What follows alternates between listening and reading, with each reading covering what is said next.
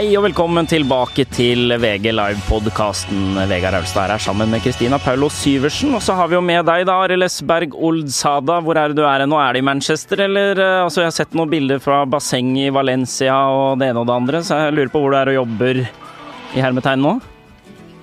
Ak akkurat nå så er jeg faktisk i Manchester. Ja. Jeg kom hjem eh, klokken tre i natt med toget fra Wolverhampton, som, eh, hvor jeg hadde lyst til å tilbringe så lite tid som mulig utenom eh, den fotballkampen som ble spilt der mandag kveld. Et, et høl av et sted i Midlands, dette Wolverhampton-stedet, med en nokså eksotisk klubb. da, Det er på en måte trøsten. Og så var jeg jo, som du nevnte, i Valencia på lørdag og søndag for å bivåne Martin Ødegaards debut i La Liga, og fikk eh, vi er- sitter jo over FaceTime her, dere ser kanskje at jeg har fått en liten sånn gyllen tan i ansiktet. Det er, eh, det er forklaringen på det. Var selvfølgelig ekstremt rutinert og bestilte hjemreise 23.40 på kvelden fra Alicante, sånn at jeg kunne nyte eh, best mulig av eh, sola i Spania. Ja, Lytterne får ikke gleden av å se denne fargen, men de skal få gleden av å høre deg snakke litt om La Liga-åpningen etter hvert. Men eh, siden vi nå har spennende tider i vente her eh, de to neste ukene når det gjelder norsk ball, så skal jeg jo lure på om du har blitt for kul nå da, til å følge med på det som skjer her hjemme, nå som du sitter eh, der borte og bare besøker La Liga-lag og Premier League. Så øh, jeg har jo lyst til å utfordre deg litt på å snakke litt om øh, Rosenborg og Molde, da, som øh, hver av øh, seg spiller viktige playoff-kamper i disse dager. Rosenborg møter Dinamo Zagreb i playoffen til Champions League. Vi kan også få de tilbake dit. Mens øh, Molde skal møte Partisan Beograd om å spille i Europaligaen til høsten. Og Rosenborg er altså sikra gruppespill for å ha det formelle på det jevne. Men så går jo debatten i sosiale medier da på om eh, dette er bra for norsk fotball, eller om det er eh, dårlig dersom Molde og Rosenborg stikker av med klekkelige summer. Så vi kan jo begynne der, da. Har dere noen sterke meninger om dette? Ja, jeg, jeg vil si at jeg har en ganske sterk mening. Jeg ser jo at eh, ekstremt mange fans, eh, gjerne Vålerenga, hvis jeg ikke tar helt feil, at det er ofte Vålerenga-fans som, eh, som er livredde for å se Rosenborg gå til Champions League og ta med seg de enorme pengesummene som det um, innebærer. Jeg, jeg syns det er et litt trangsynt og kortsiktig perspektiv på det. Du tenker selvfølgelig at Rosenborg vil bli sterkere, kan hente spillere, kanskje hente spillere fra laget ditt, og dermed eh, svekke eh, konkurransenivået eh, og gjøre det enda mindre jevnt i norsk fotball. Men for meg er det ingen verdens tvil om at det er positivt for norsk fotball generelt å få så mange lag som mulig inn i Europa, og aller helst selvfølgelig i Champions League. Jeg tror vi ligger nede og slurer på sånn 20, nærmer oss liksom 30. plass på den europeiske klubbrankingen over ligaer, og det er, det er jo selvfølgelig pinlige en, en pinlig plassering for Norge å ligge på. og sånn som fotball-Europa utvikler seg nå med, eh, med, en mer og mer eksklusiv klubb som eh, deler på pengene og som får være med i Champions League hvert år, så er Norge nødt til å komme seg oppover på den rankingen for å tette det gapet og eh, være med på lasset og det toget når det tuter av gårde. Og hvis vi ikke klarer å komme oss i Champions League og i Europa League jevnlig de neste årene, så kommer det til å være et gigantisk problem for norsk klubbfotball, som kommer til å bli ribba for alt av talenter. Og da vil jeg mye heller at det er Rosenborg som investerer de pengene inn i andre norske klubber og henter talentfulle norske spillere. og fører til at andre klubber kan videre eh, investere i eh, spillere osv. Og, så videre, og være et eh, lokomotiv da, for norsk fotball. Vi er jo på, som du nevner, denne rangeringen over klubblag, så er vi vel på 23.-plass bak Sverige 22-21, Hviterussland 20, Skottland 19, Serbia 18, Kypros 17, Sveits, før man har Danmark på en 16. Og dette har jo noe, noe, å si for ikke bare lags lettere vei inn der, for det er klart egenkoeffisient har noe å si på eget lag for hva, om det blir sidet eller ikke i de ulike rundene. Men dersom Norge skulle avansere på disse plassene, så vil jo lag kunne komme inn senere og slippe å dra seg gjennom de første rundene. Så det er vel ingen tvil om at uh, totalt sett så tjener Norge på at Molde og Rosenborg kommer inn, hvis man ser det på det perspektivet? Ja, uten tvil. Um, og så har du vel også det derre solidaritetsfondet til Uefa som gjør at uh, hvis du får med lag enten i Champions League eller Europa League, så vil det jo komme en viss sum som går eh, til forbundet i landet, som da deles eh, på alle de ikke-deltakende klubbene i den øverste ligaen. Eh, som da skal brukes til spillerutvikling. Eh, det er jo ikke enorme summer per lag, men det er jo det er jo penger. Eh, alle monner drar, som det heter. Um, og jeg tenker også sånn, hvis du ser liksom litt enkelt på det, da, at jeg tar meg sjøl i Jeg som er over middels fotballinteressert, tar meg sjøl i at jeg har mer lyst til å se på norsk hjemlig fotball når eh, norske lag gjør det bra i Europa. Ikke sant? Gjør Rosenborg det bra, kommer seg ut, ja ok, da har jeg lyst til å se eh, Rosenborg-Mjøndalen i større grad enn jeg kanskje hadde hatt lyst til hvis ikke Rosenborg var med. Samme med Molde. Det skaper en generell interesse rundt hele den norske klubbfotballen. I hvert fall på øverste nivå, da. Som jeg tror gjør at flere har lyst til å både se det på TV, men også, også kanskje gå på kamp. da. Og det er ekstremt viktig. Ja, jeg, jeg mener jo at det, eh, kanskje det største problemet til norsk fotball nå er at i Eliteserien så kan du telle på én hånd de spillerne som hadde blitt eh, ja, stoppa på Karl Johan. da. Eh, du har kanskje Pål André Helland som ville blitt stoppa, og, og, selvfølgelig Niklas Bentner. Og Bortsett fra det så, så, vet jeg ikke om dere kommer på så veldig mange flere, men det er, eh, det er jo syltynt av spillere som nordmenn generelt har et forhold til. Og hvordan skaper man et sånt forhold til spillere? Jo, man er nødt til å gå gjennom store opplevelser, episoder, Eh, og bragder eh, hvor helter skapes og blir store navn i Norge, og genererer interesse, som igjen drypper på de andre klubbene, selvfølgelig. Og, og det, Den eneste måten man kan gjøre det på, er hvis Rosenborg kanskje tar seg til Champions League, kanskje slår et storlag, kanskje skaper noen, noen store øyeblikk som folk husker.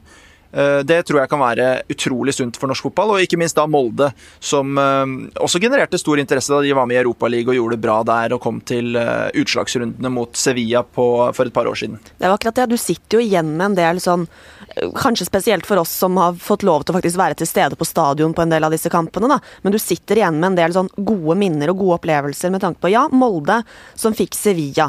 Ikke sant? Spilte med, mot dem i Europaligaen. Eh, du har det, den fantastiske snuoperasjonen til, eh, til Rosenborg mot Ajax på Lerkendal. Adek Benro-galskapen på slutten der. Eh, Sarpsborg 08 i Europaligaen i fjor, som ypper seg enormt mot, uh, mot storklubber som Besiktas i én omgang i Istanbul, og som er ganske nære ved å slå dem på hjemmebane. Uh, Rosenborg, som fikk Real Sociedad, ja, fikk juling på bortebane der, men, men uh, det er, liksom, det er gode minner, det er gode opplevelser eh, som gjør at norsk fotball synes i utlandet. Eh, jeg nekter å tro at eh, folk i Amsterdam-området har glemt Samuel Adekbenro for et par år siden, for å si det sånn. Når det kommer til det norske perspektivet, jeg skjønner at det er vanskelig uh, at en fra en, uh, et medlem av klanen skal sitte på TV nå på tirsdag- og onsdagskvelden og heie på Rosenborg og håpe at de skal inn i Champions League. Det skjønner jeg at strider veldig mot det du på en måte tror på og i hverdagen uh, opplever som det viktige. Men det, det ligger med til til argumentene her mot nettopp det, eller for at du skal heie, for Rosenborg, heie på Rosenborg, er at Eh, om de skulle komme i Champions League, som de jo var gjennom 90-tallet, så handler det om at eh, penger eh, Altså, vi har jo summer fra 300 til opp mot 400 millioner hvis de trekker de riktige lagene og får TV-penger her. Kommer til å bli omsatt ofte i spillere i det norske markedet. Dvs. Si at de f.eks. kan legge 25 millioner på bordet for å hente Kristoffer Sakariassen fra Sarpsborg 08. Det gir penger til Sarpsborg 08, som de videre, som de allerede er i gang med, bruker i stadionanlegg, junioravdeling Eh, til spillerutvikling, eh, så også som for å, eh, for å forsterke seg selv. Og dette så vi jo da ringvirkninger av ut på starten av 2000-tallet og opp til 2005-2006-årene hvor vi var absolutt på toppen på lønnsnivå i norsk fotball og hadde flest tilskuere på stadion. Så slutta jo de norske lagene å gå inn i Champions League, og det var tørrere Europa-league og Uefa-cup-år som gjorde at det egentlig kanskje har hatt noe å si for at det har gått ned. Ja, og, og det, det, er viktig det du nevner der, fordi jeg tror folk har et litt sånn litt for enkelt syn på det. fordi jeg også husker den perioden mellom 2007 og Eller egentlig mellom 2005 og 2010 mm. som den kuleste perioden å følge norsk klubbfotball på. Fordi Brann vant, så vant Vålerenga, og så var det eh, Stabæk som vant, og så var det Godset som vant. Og det var så mange klubber fra store byer i Norge som konkurrerte om tittelen hvert eneste år, som genererte en enorm interesse. Ok, og da var ikke Rosenborg helt suverene. Men altså, grunnen til at det ble sånn i utgangspunktet. At man kunne hente inn Daniel Landskog og betale han masse penger, eller at man kunne uh, hente inn uh, Det var jo masse utenlandske stjerner i de, de norske klubbene som, som var populære det var jo uh, i stor grad fordi at Rosenborg hadde bygd opp det uh, gjennom, gjennom, sin deltakelse i Europa, og, og heva interessen og det økonomiske nivået i norsk fotball til å gjøre at TV-pakkene ble større, til å gjøre at alle klubbene fikk mer penger. Og Det er en sånn dominoeffekt som man kan få hvis, uh, hvis man opplever en sånn storhetstid igjen. Det skal selvfølgelig ekstremt mye til at vi skal få oppleve det til den graden, men, men folk må huske på at de kule opplevelsene som var mellom mellom 2005 og 2010, og, og litt senere enn det også, det var Uh, ikke, ikke, bare fordi Rosenborg ikke var konkurransedyktige nok akkurat da, men fordi at de hadde vært så gode i, i forkant og skapt den plattformen det må nok ha noen lokomotiver på et vis. Det er klart at FC København har brukt penger på spillere fra Aalborg og Midtjylland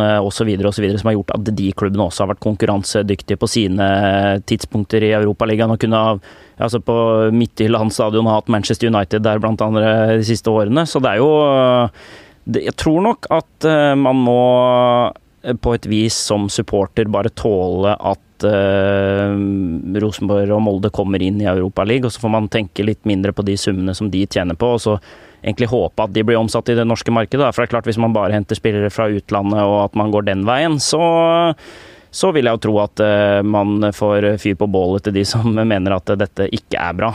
Så det er jo, det er jo avhengig av at pengene faktisk havner her igjen. Jeg synes du har et godt poeng der, for det er jo noe med det at eh, ja, det er kjipt på kort sikt om Rosenborg går hen og henter din klubbs aller beste fotballspiller.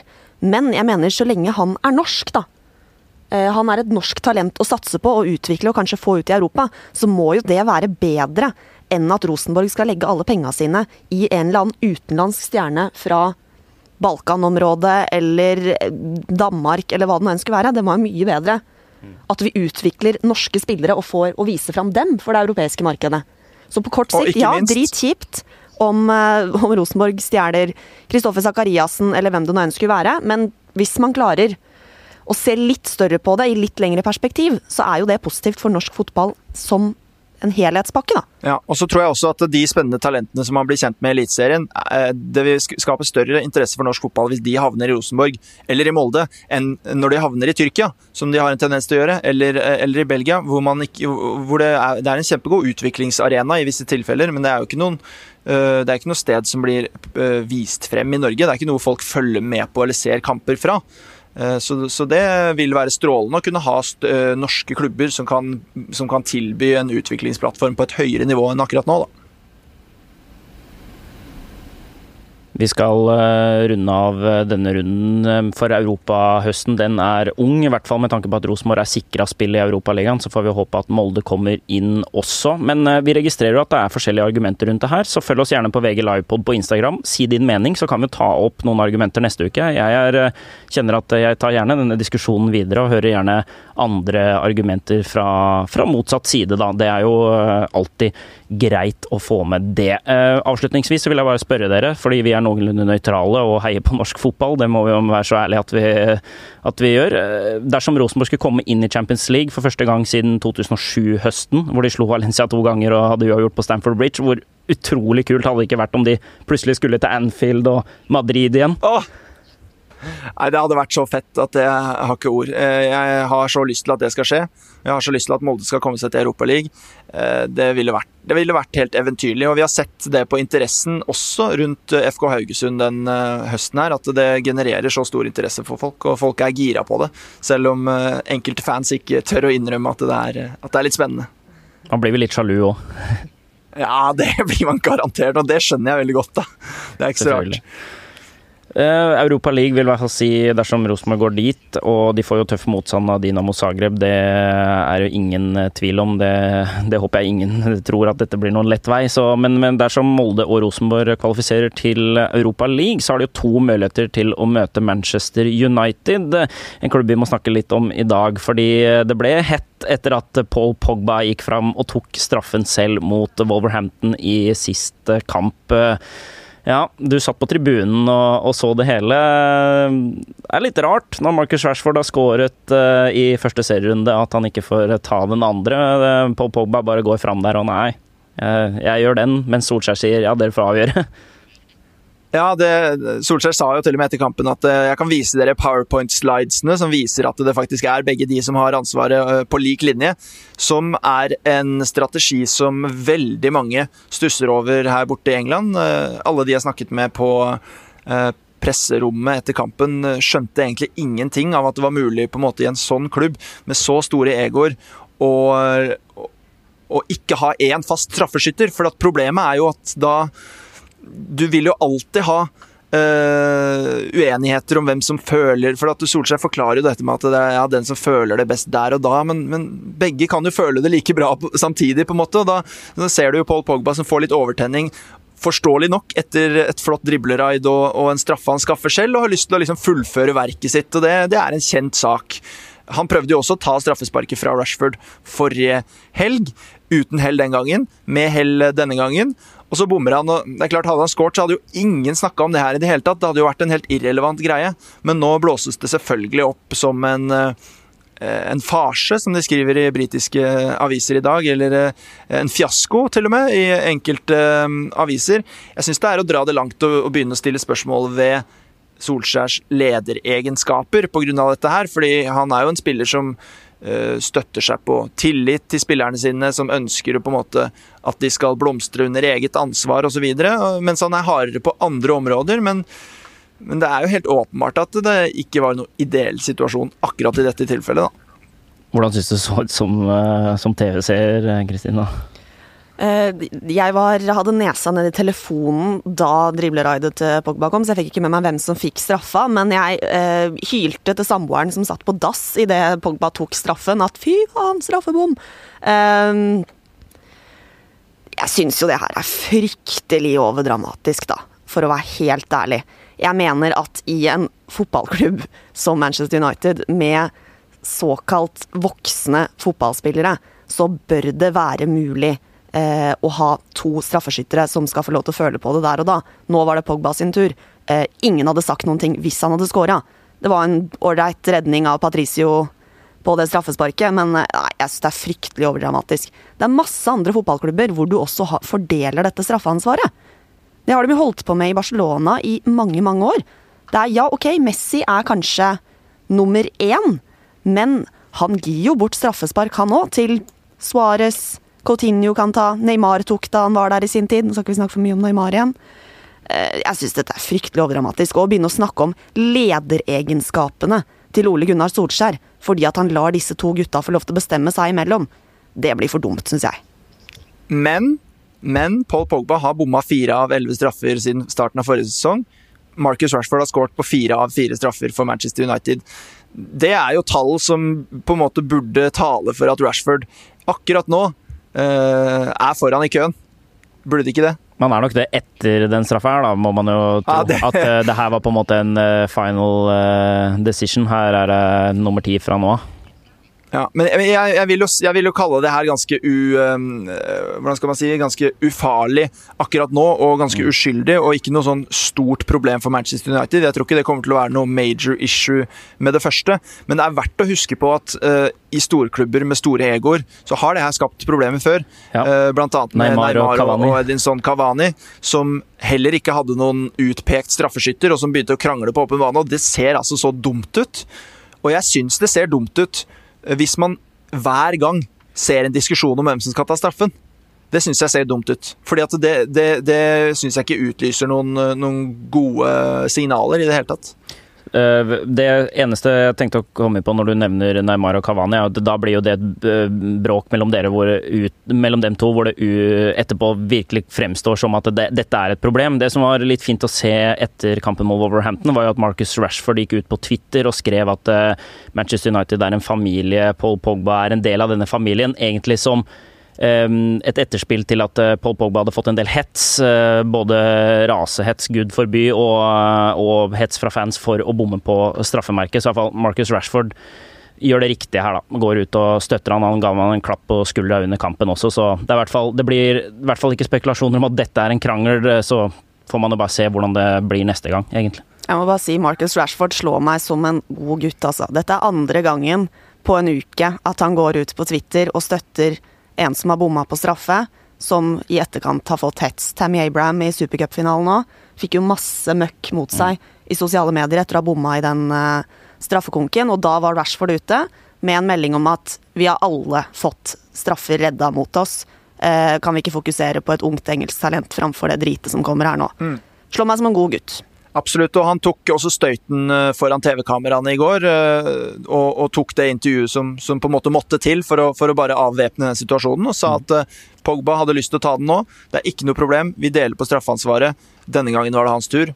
Han bommet, det var synd, men sånt skjer. Eh, og, og det, er ikke, det, er ikke, noe dramatisk. Så det, sånn sett så tok de jo brodden ut av det. Og totalt sett for Manchester United så er det bedre at noen stiller spørsmål ved lederegenskapene til Solskjær enn at, eh, at, eh, det begynner å murre om krangler internt da, mellom spillere, eh, syns jeg. Så sånn sett så, så, kan vi nok konkludere med at dette er forholdsvis ufarlig for øyeblikket for Manchester United. Vi får håpe for deres del at Paul Pogba ikke bruker dette som en uh, situasjon til en exit. At han heller blir på banen og leverer et raid, sånn som han gjorde før straffesparket, det som skaffet det. For det var virkelig Da skrudde han på tempo, selv om han har hatt noen rufsete ballmist i de to første oppgjørene, så har han et par enkeltpasninger mot Chelsea der og et raid mot Wolverhampton som var eh, ja, fotballkunst. Eh, så vi får se. Han eh, kommer kanskje ikke til å ende i Spania, men dit skal vi nå. For La Liga var i gang i helgen, og jeg vet jo at du sitter og venter en hel sommer på at den spanske fotballen skal i gang.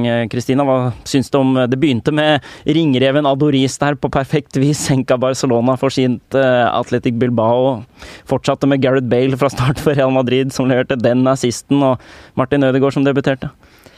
Ja, Hvis vi starter med fredagen, da. Ehm, det avslutter jo med et pang, denne matchen der, med den skåringa hvor Aritz Adoris, 38 år, kommer inn og skårer på sitt første spark på ballen på den måten. Å være så atletisk som 38-åring. Herregud, det håper jeg jeg er òg, for å si det sånn. Liten sjanse for det, men eh, helt fantastisk. Men det var jo en litt traust fotballkamp før det, kan du si, da.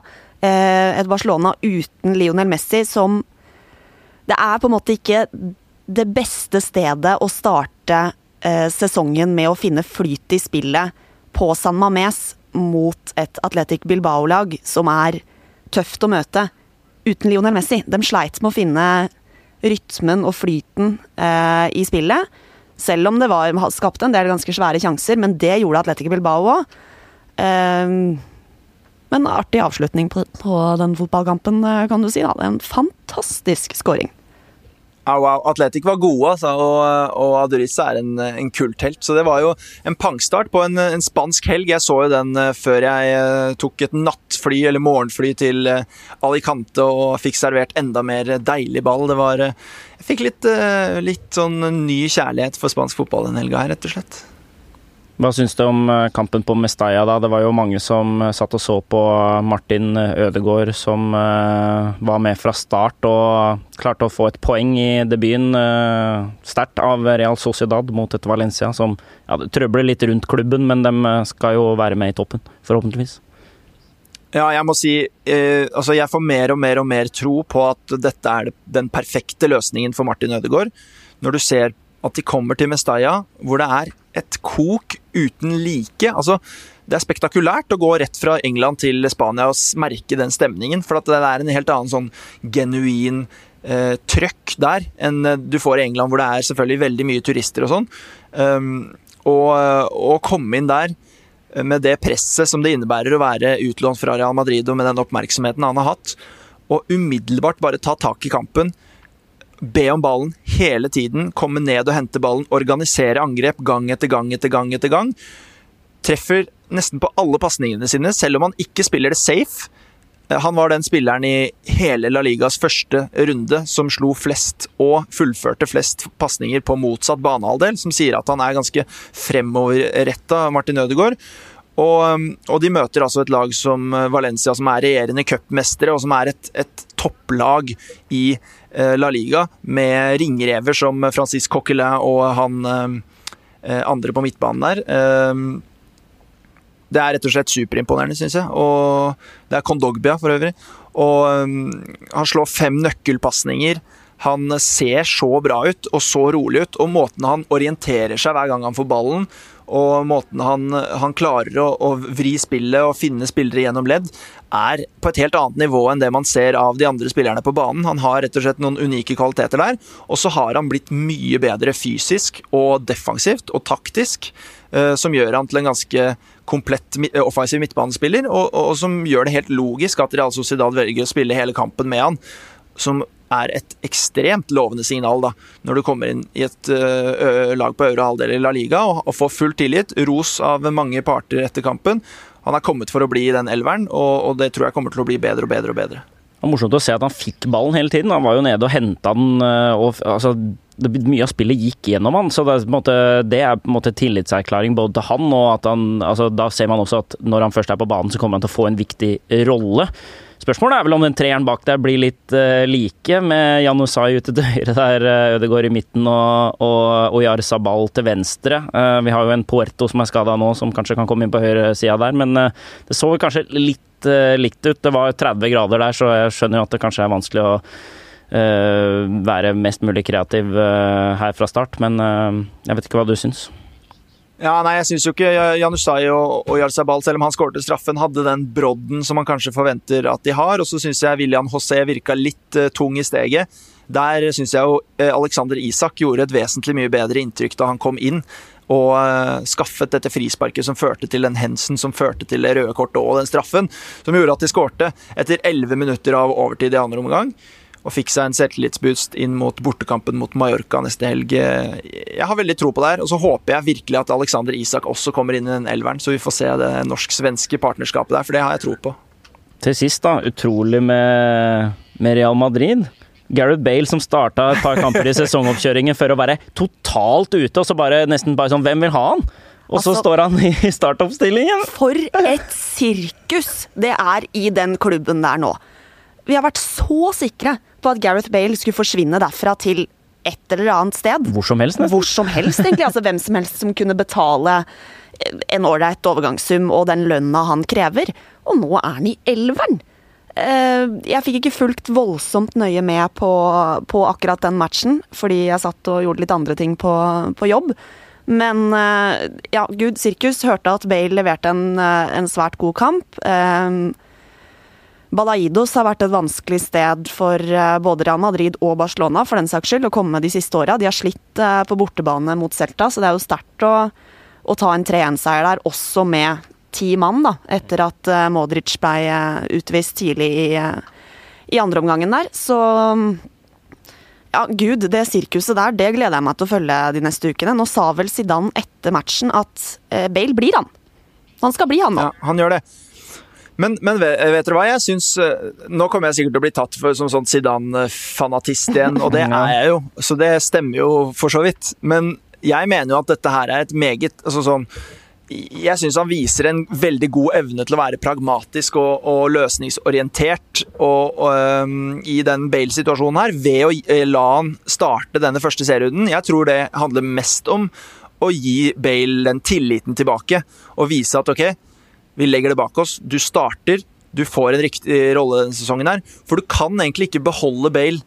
Og så um, er utgangspunktet at han skal være sånn annenfiolin og, og bare sitte på benken og sånn. Så du, hvis du først skal beholde han, som, som, det på en måte ser ut til at det blir nå, så er du nesten nødt til å fòre han med litt sånn uh, Litt selvtillit, litt, altså litt tillit, og, og, og det syns jeg var smart av Zidane å gjøre i den første serien. og Han gjorde det bra, og nå, nå, virker det på en måte som det er mulig at de kan legge ting litt bak seg. da.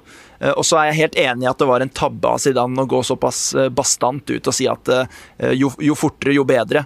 At de ville kvitte seg med, med Gareth Bale for en måneds tid siden. Det ligger jo med til historien her at det er jo en eh, skade på Eden Hazard som er ute en tre-fire uker her, som, som, åpner opp, da.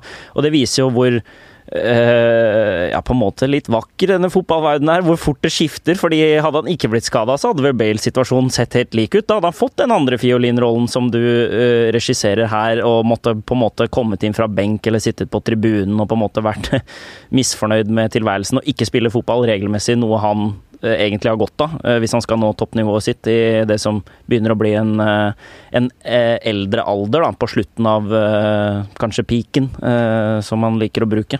som et ord. Eh, så ja, eh, det skifter fort. Det gjør det. Og så Når vi er inne på spansk fotball, så må vi nevne Joao Felix. da, Fordi mm -hmm, mm -hmm. denne Atletico eh, ja. Madrid-perlen som leverte altså et helt latterlig latterlig dribleraid hvor han straffe, skaffer straffe, som uh, Alvaro Morata var det vel, bommer på. Men den spilleren der, som de henta fra Benfica nå, det ser ut til å være en av de beste signeringene de har gjort i sin klubbhistorie, og som er gjort eh, i, i sommeren og de siste årene i Europa. Selv om han kosta flesk og duppe og det som verre er, så er det så er det verdt det hvis han leverer på det nivået her. For han kommer til å bli en superstjerne hvis han fortsetter eh, i det sporet han eh, begynte på i, debuten sin i La Liga. Mm. Jeg som aldri har på en måte valgt noen side av Real Madrid og Barcelona, må jo bare si at jeg, jeg, elsker Atletico Madrid. Måten de på en måte alltid finner en eller annen erstatter etter superstjerner som blir borte og tatt av sterkere klubber. Så er det på en måte du bare veit at det, eh, det, det fikser seg. Vi, vi, vi, finner en ny mann. De vi, vi bruker penga på en eller annen, og så de blir det dritbra. opp et eller annet fra et eller annet sted, hvor det nå enn skulle være, liksom. Så trekker de fram en eller annen ny eh, stjernespill, altså som kommer til å bli en, en verdensstjerne, ikke sant? Ja, ja selvfølgelig gjør det. Altså, det, var jo, det var jo Forlan, og så var det, det var kanskje Torres først, da. Så Forlan, og så David Villa hadde man der. Og så hadde man det? Nei, David ja, David Villa var, vel der, var, vel der, da han var på vei nedover. Det skal vel sies. Ja, men, eh, men, også Falcao, selvfølgelig, ja, ja. Som, eh, som, også kom der. Og så Grismann, selvfølgelig, som han nå har kvitta seg med. Og så kommer Felix til å bli Han kommer til å bli stor, altså. Jeg gleder meg så mye til å følge han. Jeg syns Atletico Madrid det er de siste ti årene kanskje en av de aller kuleste klubbene. Også. Det er eh, helt vanvittig, og med ny stadion og alt, så er det på en måte Man gleder seg til å se Champions League-kamper. Hvis man på en måte ikke følger så mye med på La Liga, så er det når du har muligheten til å se Champions League og dem i aksjon, det er, eh, det er ordentlig krydder i en uh, fotballhverdag ellers. Og en ting jeg syns var artig eh, Og så er jo han bikkja Diego Simione er jo en mann som appellerer til dine verdier, er det ikke det, Vegard? Er jo 100 Og en ting jeg syns var artig, nå fikk jeg ikke sett eh, Atletico Madrid-matchen. Hvorfor gjorde jeg ikke det? Husker ikke. Det er ikke så nøye. Um, Sent søndag kveld, vel? Kanskje du var på jobb? Jeg så, jeg så Eliteserien. Ja.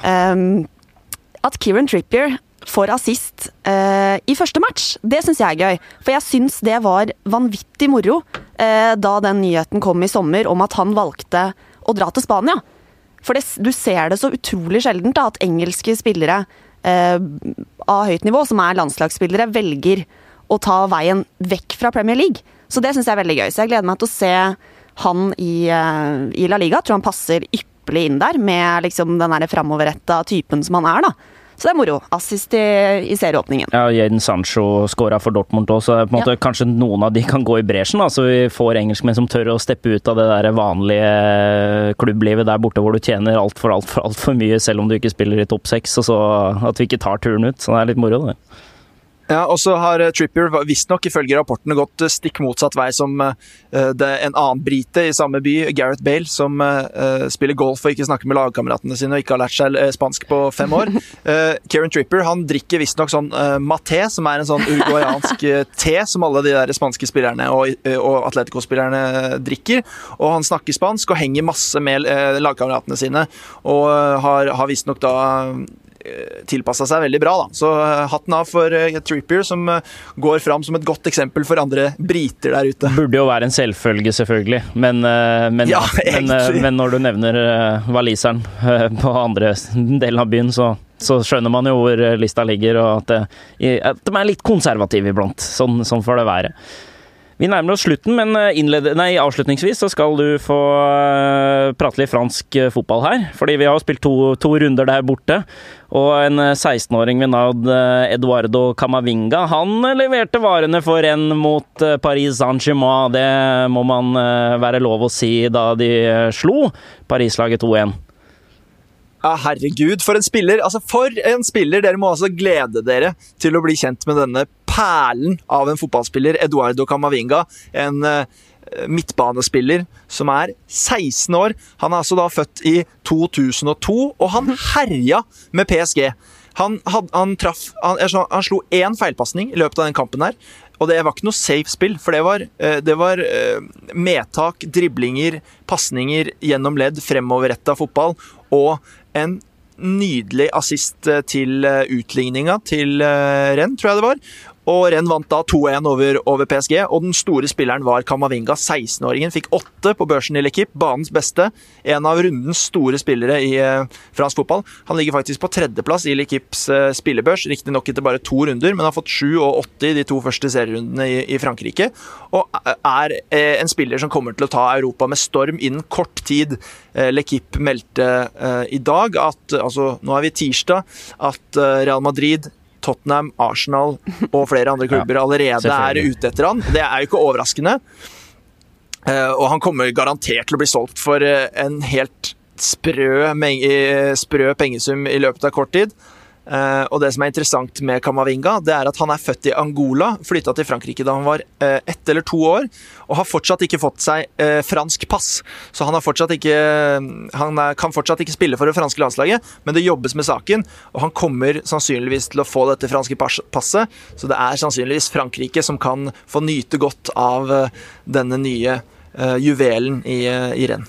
Høres digg ut for dem. Se, Ha, har dere sett de klippene, eller? Jeg har sett, det må dere se. Jeg så altså. det. Jeg så assisten. Mm. Så meget er... kult. Det høres ut som en mann for de som spiller football manager career mode på Fifa 19 etter hvert 20, det blir vel etter hvert. At man må hente, ja, hente denne mannen.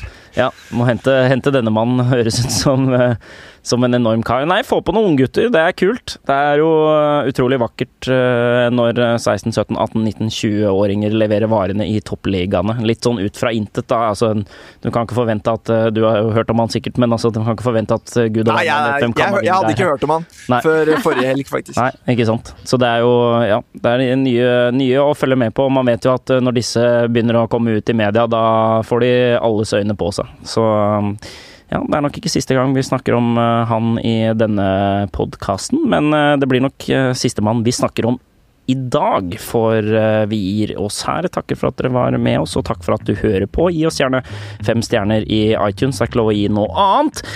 Og så følg oss på VG Livepod på Instagram, og send oss direktemeldinger der. DMs, det blir vi glad for. Så tar vi opp deres argumenter i sendingen. Vi er tilbake før du aner.